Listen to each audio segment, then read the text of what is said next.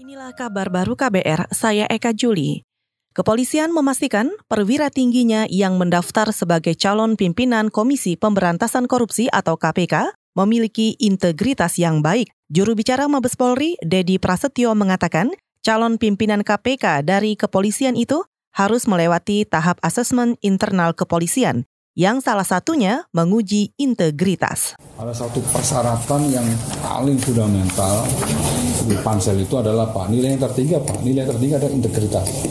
Artinya kalau misalnya dia sudah lolos assessment dengan nilai integritas kalau sudah di polisi ini ya untuk menduduki jabatan eselon 2A nilai integritasnya itu harus 4 di bawah 4 maka nanti dia akan terseleksi mana yang terbaik Juru bicara Mabes Polri, Dedi Prasetyo menambahkan, penilaian yang dilakukan kepolisian memiliki tingkat akurasi tinggi dibandingkan tes psikologi. Ia juga mengatakan untuk tes psikologi, akurasinya mencapai 50 hingga 60 persen. Sementara untuk asesmen, tingkat akurasinya sebesar 70 hingga 75 persen.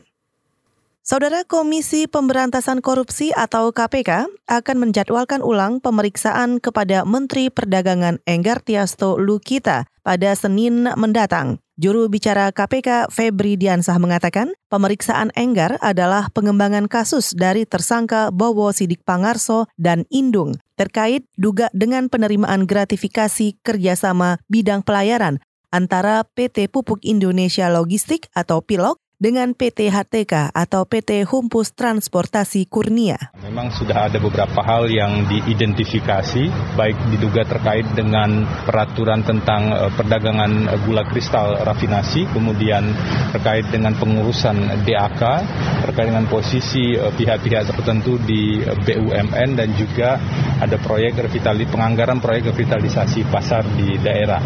Itu sedang kami dalami lebih lanjut dalam perkara ini. Juru bicara KPK Febri Diansah juga berharap Enggar dapat kooperatif dan memenuhi panggilan KPK pada penjadwalan ulang pekan depan. Selasa kemarin, Saudara, Menteri Perdagangan Enggar Tiasto Lukita mangkir dari panggilan pemeriksaan KPK dengan alasan masih berada di luar negeri.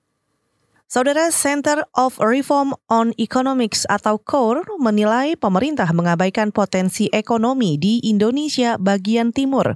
Ekonom KOR Muhammad Faisal mengatakan pemerintah masih memusatkan ekonomi di daerah Jawa dan tidak memaksimalkan potensi ekonomi di Maluku, Papua, atau Nusa Tenggara Timur.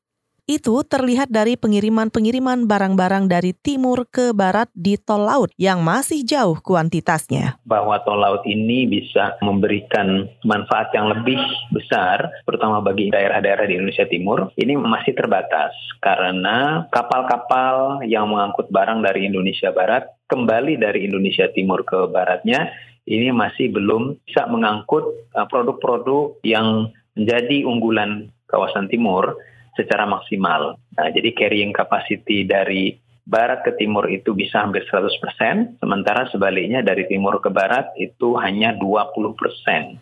Ekonom KOR Muhammad Faisal menambahkan, pemerintah seharusnya memanfaatkan tol laut untuk memperbaiki perekonomian di Indonesia bagian timur. Pemerintah juga harus memaksimalkan potensi maritim dan potensi industri manufaktur di daerah bagian timur, tidak sekadar potensi tambang saja yang bisa didistribusikan ke Pulau Jawa. Serena Williams meraih kemenangan di babak pertama Wimbledon 2019. Serena menang 6-2, 7-5 atas petenis kualifikasi Giulia Gatto Monticone di All England Lawn Tennis and Croquet Club di pertandingan lainnya, petenis unggulan Maria Sarapova mundur gara-gara cedera pada lengan kiri ketika menghadapi Pauline Parmentier. Sedangkan juara Wimbledon 2017, Garbin Muguruza, juga harus angkat koper. Muguruza disingkirkan petenis kualifikasi Beatrice Haddad Maya, dua set langsung dengan skor 4-6-4-6. Saudara demikian kabar baru, saya Eka Juli.